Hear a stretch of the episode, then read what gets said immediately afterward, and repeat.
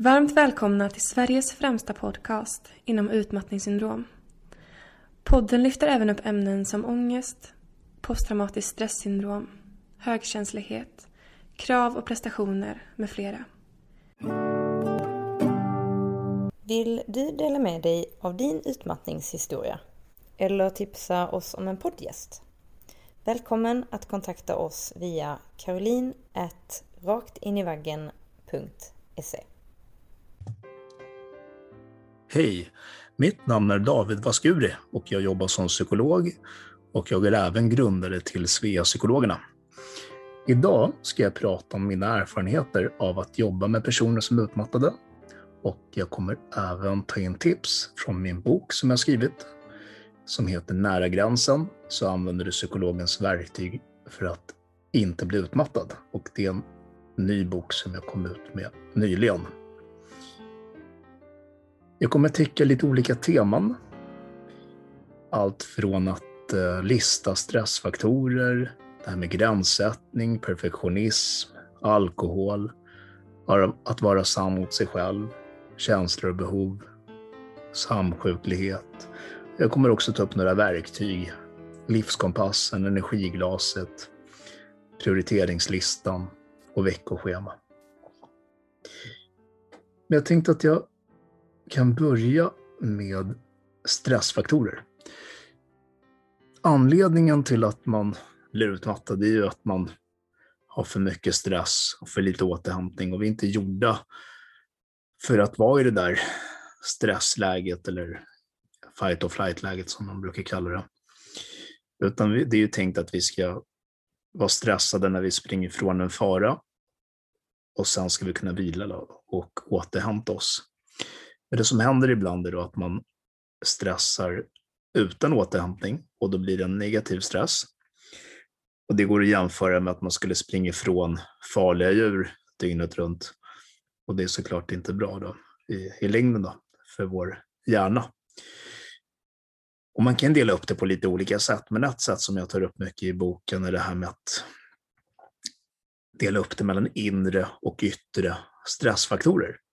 Yttre stressfaktorer handlar om yttre saker såsom att man har för mycket på jobbet, man kanske har mycket som händer privat, man kanske har dålig arbetsmiljö eller konflikter eller att det händer någonting, man kanske har en, en gammal förälder som behöver mycket hjälp eller man kanske har barn som har stora behov. Medan inre faktorer handlar mer om hur man är som person och det kan handla om att man är snäll, prestationsinriktad, att man är perfektionist, att man vill vara duktig. Och sådana mönster kan ibland göra det värre då för en eftersom om man säger ja väldigt mycket, då man, får man väldigt mycket stress och då har man svårt att, att hinna med återhämtningarna. Så att en sak som jag brukar rekommendera, det är att, och som jag också tar upp i boken, det är det här med att, att lista stressfaktorerna. Att, att fundera, men vad är det som stressar upp mig? Och då kanske man får ner en 5-10 punkter på pappret. Och det kan vara, men jag har alldeles för mycket på jobbet och, och jag har min, min gamla förälder som behöver extra mycket hjälp och sen är det barnens läxor och sen är det hämtningar och lämningar. Och, och sen kan man också fundera på de mindre stressfaktorerna. Det är inte alltid man har tänkt så mycket på dem, men just att men är det något jag gör? Säger jag för mycket eller tar jag på mig för mycket? Eller är jag perfektionist eller har ett stort kontrollbehov eller bryr jag mig för mycket om vad folk tänker? Men det tänker jag kan vara en, en, bra, en bra sak att börja med. Just att bara lista dem. Sådär. Vissa har redan gjort det, för vissa kan det bli lite av en aha-upplevelse att göra det. Sen har vi det här med gränssättning. Och eh, det är ju väldigt viktigt att kunna se nej och säga ifrån för att genom att kunna säga nej och säga ifrån så kan man också reglera hur mycket stress man har i sitt liv.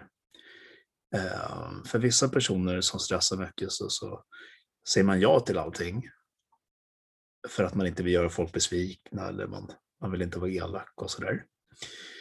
Problemet med det är att då blir det de, då, då styrs din, din stress av yttre faktorer.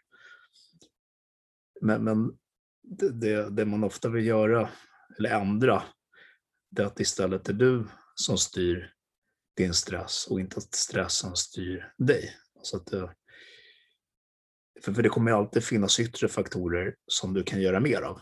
Jag menar, folk kommer fråga efter saker, eller man kanske är en chef som vill att man ska jobba mycket, eller och sådär. Så, så det är upp till en själv någonstans att, att bestämma det. Sen är det ju lättare sagt än gjort. Ibland har man en yttre verklighet som inte, där det inte är lätt att säga nej. Jag menar till exempel, som jag var inne på, man har barn som har stora behov eller man har gamla föräldrar som har stora behov.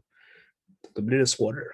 Och då kanske det inte handlar om att säga nej, utan det handlar kanske om att hitta mer problemlösning och avlastning eller att man kanske dra ner på jobbet ett tag för att orka med det. Så det handlar inte bara såklart om att,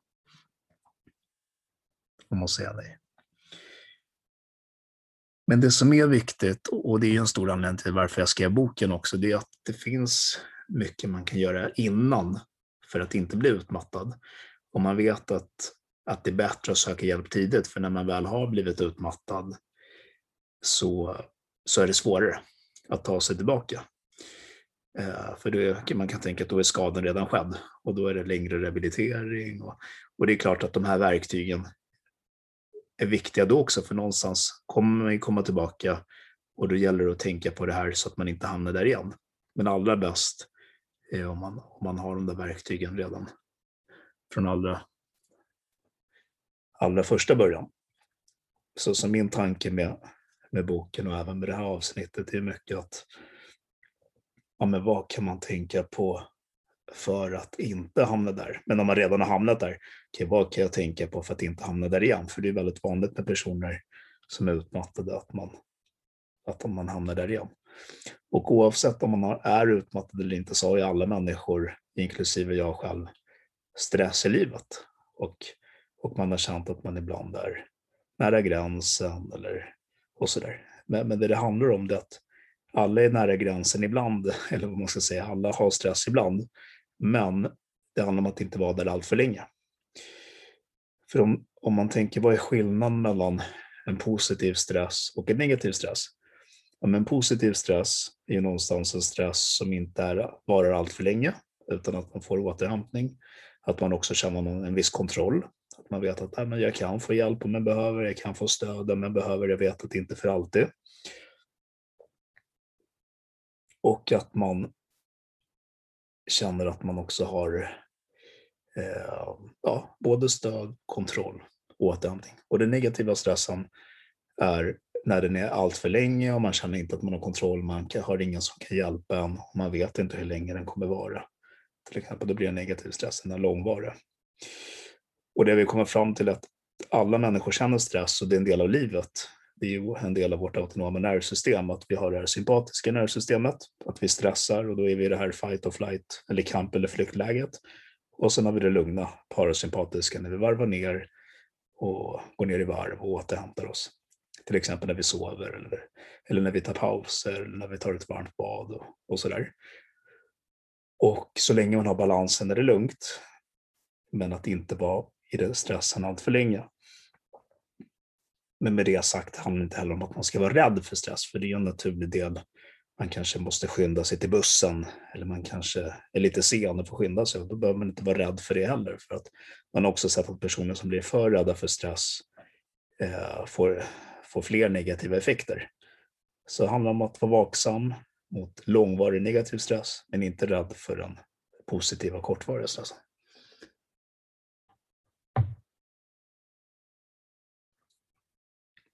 Nu tänkte jag gå in lite grann på perfektionism.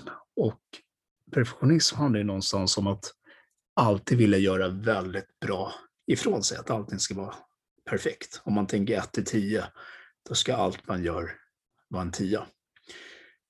Och det säger sig självt att det inte funkar i och med att man har inte alltid förutsättningarna, man har inte tiden, man klarar inte av det. Så personer som har perfektionism kan få det svårt ibland på en arbetsplats eftersom ibland får man ju saker med, med, med korta deadlines.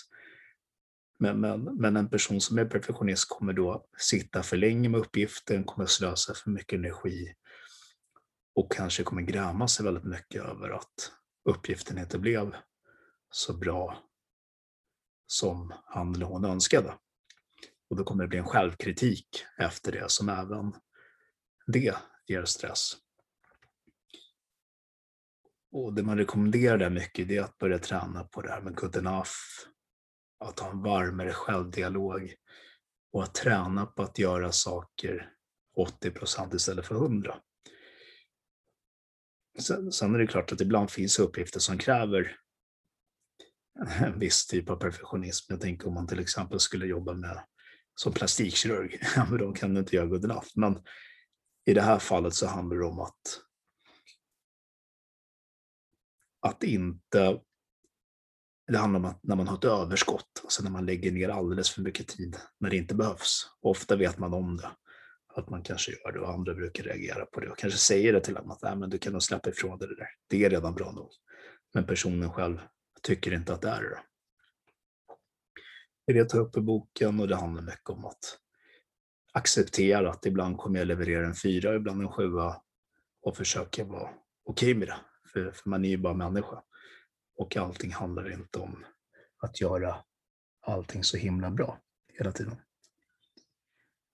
Jag tänkte gå in lite grann på alkohol också. Alkohol är en sån sak som vissa använder för att varva ner. Så det är inget fel om man dricker lagom. Och vad är lagom? Där? Om man ska gå efter WHOs riktlinjer så handlar det om att dricka som man 14 enheter per vecka, där en enhet är en, eh, en starköl, en liten starköl, ett glas vin eller 4 centiliter sprit. Och för en kvinna brukar man säga 8 till 9 enheter per vecka och så ska man dela upp det i några tillfällen då, så att det handlar inte om att få i sig alla enheter på en gång utan som man max 4-5 per tillfälle och som kvinna max 3 per tillfälle. Men, men, men för vissa kan det bli så att de börjar dricka vin för att kortsiktigt blir de avslappnade. Men långsiktigt om man dricker för mycket så bidrar ju det också till dålig, alltså sämre återhämtning, sämre sömn. Det kan ge ångest och depressionssymptom bara av att man dricker för mycket och så kan det bli ett eget problem. Så det är verkligen bra att, att vara försiktig med den delen. Och det är inte ovanligt med det man kallar för samsjuklighet och det är att man har flera saker samtidigt. Så många som söker hjälp kan ha utmattning eller en begynnande utmattning plus att de har ångestsymptom plus depressionssymptom. Och om man ska förenklat förklara de skillnaderna är ju att utmattning handlar om att du är uttröttad. Ofta har du minnesproblem, koncentrationsproblem, lätt irritation, trötthet, kravkänslighet. Medan depression handlar mer om det här med att svårt uppskatta saker, känna glädje, ser fram emot saker, man känner sig låg, nedstämd. Och medan ångest handlar mer om att man är, man är rädd för olika saker. Det kan handla om social ångest, där man är rädd för att stå i centrum och känna sig granskad, till panikångest, där man är rädd för att kroppssymptomen till exempel ska, ja, att den här hjärtklappningen som är helt ofarlig ska vara en hjärtinfarkt exempelvis. Så det är ett bra sätt att bara, bara kunna skilja på dem. Okej, vad är vad? Det är de tre vanligaste som folk brukar höra. Och det är inte ovanligt att man har flera samtidigt och det är det som kallas för samsjuklighet. Man kan ha en del utmattningssymptom men kanske också en del depressionssymptom, en del ångestsymptom. De går lite hand i hand. För det är klart, är det så att du är utmattad så har du oftast inte tid att göra sånt som du mår bra av. Vilket då kan leda till att man blir nedstämd och deprimerad. Oftast finns det också saker att ha ångest över, till exempel att man inte har hunnit med och man är orolig för vad som ska hända i arbetet eller och så vidare. Så att de kan gå hand i hand. Och det är olika vilken som är vilken diagnos som, kommer, som är den allvarligaste för personen eller vilken som är primär. Ibland kan det vara en person som är först utmattad och sen blir deprimerad och sen ibland kan det vara en som har väldigt mycket kanske ångest och oro. Vilket bidrar till en utmattning, så det kan vara lite olika. Och man brukar alltid prata om arv och miljö i psykologin så att det kan vara så att man har en sårbarhet för att få en viss diagnos för att det finns i släkten i kombination med psykosociala faktorer, alltså saker som händer i livet. Som jag var inne på förut, stressfaktorer och så vidare och så vidare. Eller låg självkänsla och så där. Så det jag tar upp mycket i boken, det som är viktigt, är ju det här med att vara sann mot sig själv. Och vad innebär det? Det är ett ganska luddigt begrepp, att vara sann mot sig själv. Men det jag menar med det är att personer som stressar mycket är ju väldigt, ofta väldigt självuppoffrande, fokuserar utåt, vill vara duktiga, prestera, men fokuserar inte så mycket inåt på vad de känner. De kanske är arga, men de sätter inte gränser. De kanske är ledsna, men de låtsas som att de är glada. Och man har ofta en fasad utåt. Man, man kanske känner skam över att våga vara sårbar. Och man lyssnar inte heller till sina behov. Man kanske känner behov av, av vila, men man kör på ändå. Eller man kanske vill byta jobb, men man vill vara lojal för att man vill, vill inte vara illojal mot arbetsgivaren exempelvis. Att vara sann mot sig själv är någonstans att börja göra tvärtom. Att, så att nej, men jag ska faktiskt lyssna in mina känslor. Känner mig arg, då ska jag säga ifrån. Känner mig ledsen, men då ska jag ventilera det. Och vill jag någonting annat, ja, men då ska jag försöka ändra. Så att jag gör det jag vill.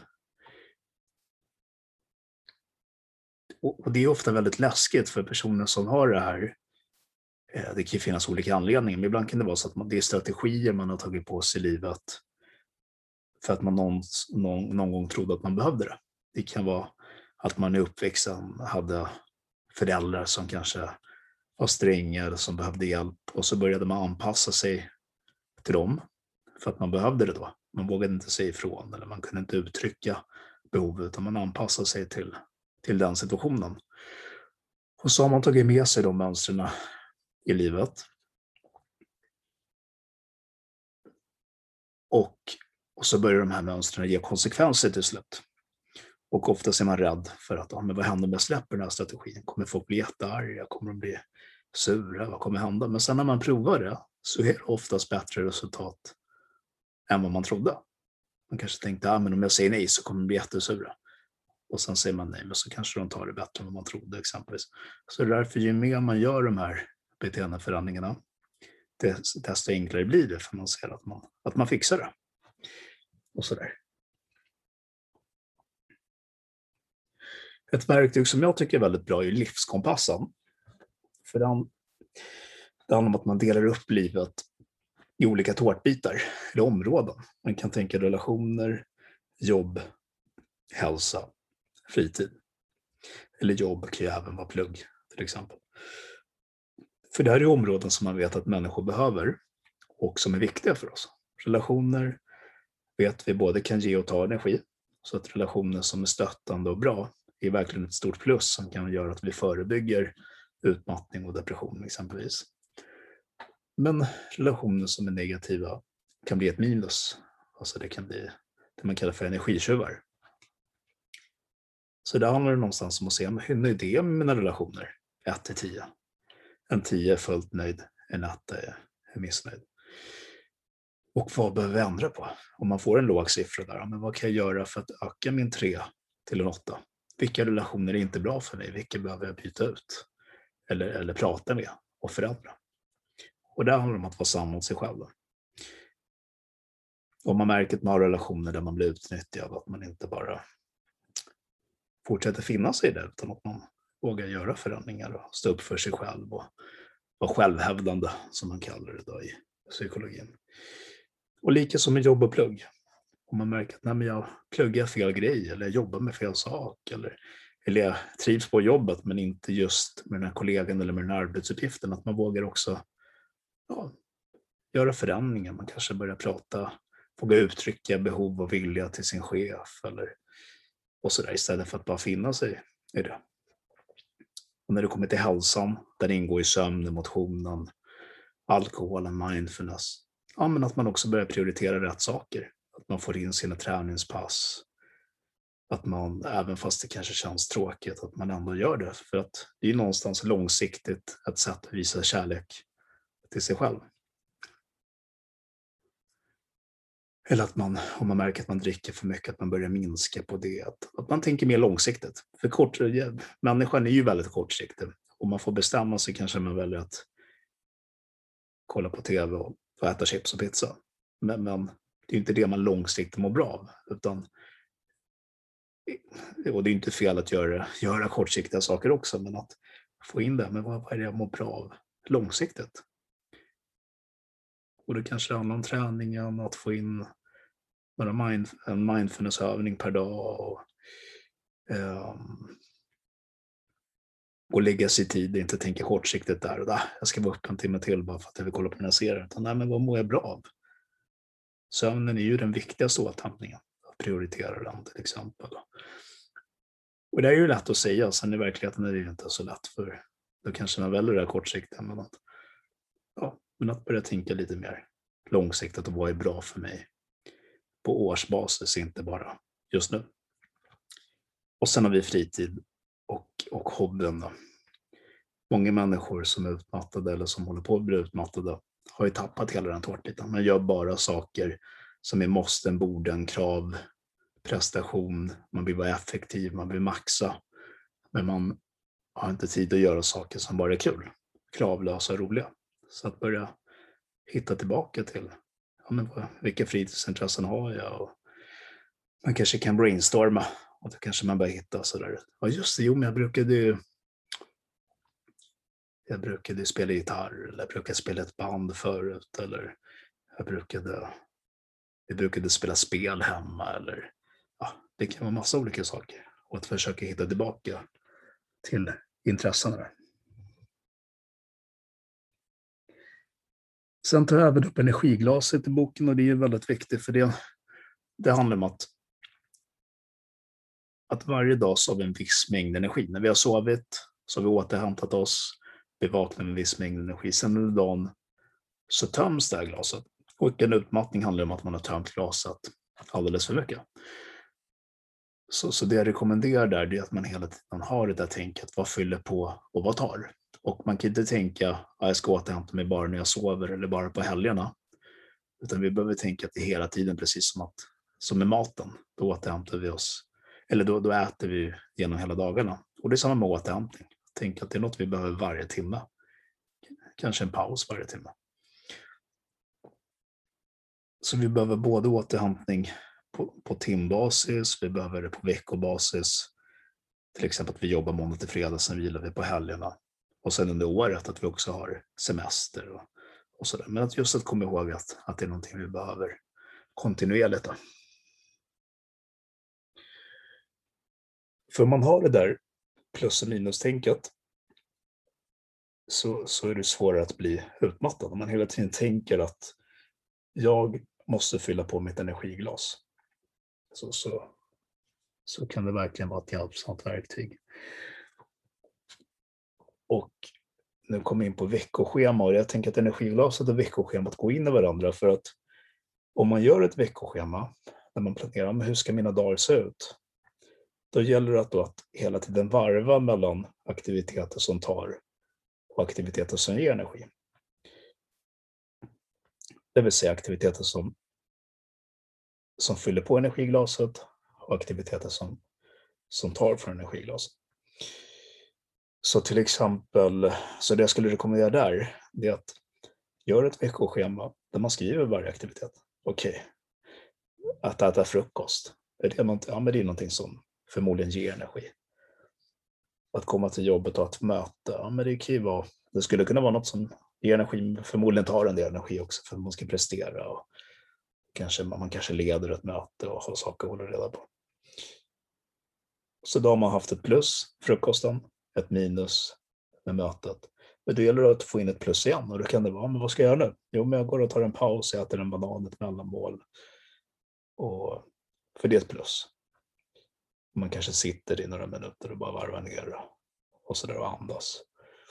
Och sen har man nästa möte och då är det ett minus till. Men om man hela tiden har det där plus och minus-tänket och ett veckoschema, då är det ett väldigt bra sätt att, att få in sin återhämtning.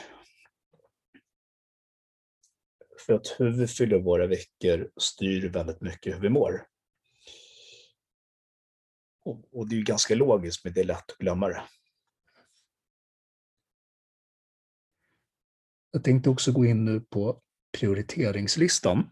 Många personer som stressar mycket har väldigt mycket som, behövs, som, som de tänker att de behöver göra här och nu.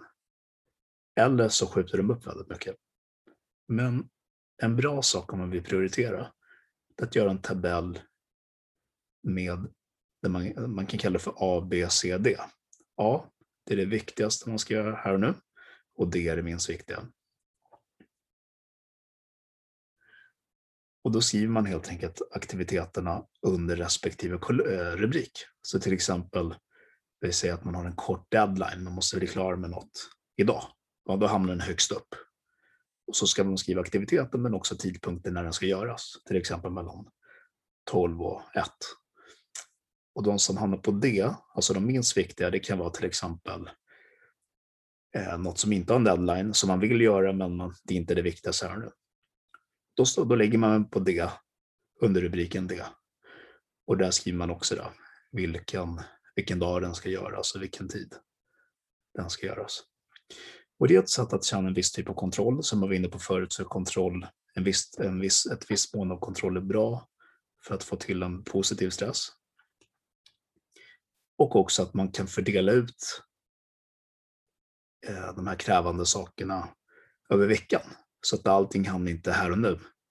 Det blir inte som ett berg som ska bestigas just idag. Utan man sprider ut minusen över veckan. Så det är också bra av den anledningen. Plus att om man har korta deadlines för sig själv så slipper man prokrastinering, alltså att skjuta upp saker. Och,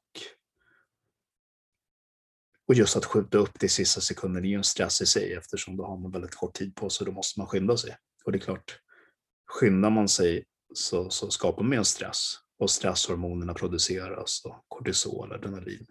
Så det handlar någonstans om att planera veckan så att du inte behöver springa för mycket på slutet. Till exempel. Så där har vi gått igenom lite olika verktyg för stress.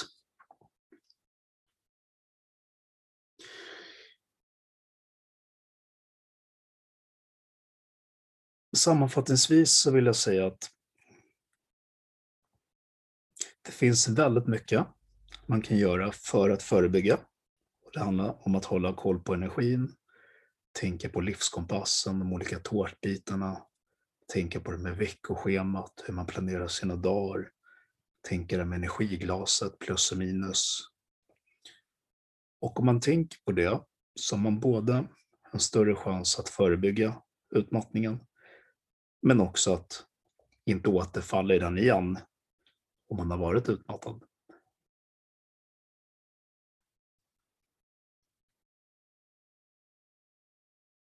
Så tänk mycket på det här med stressfaktorerna, de yttre och inre.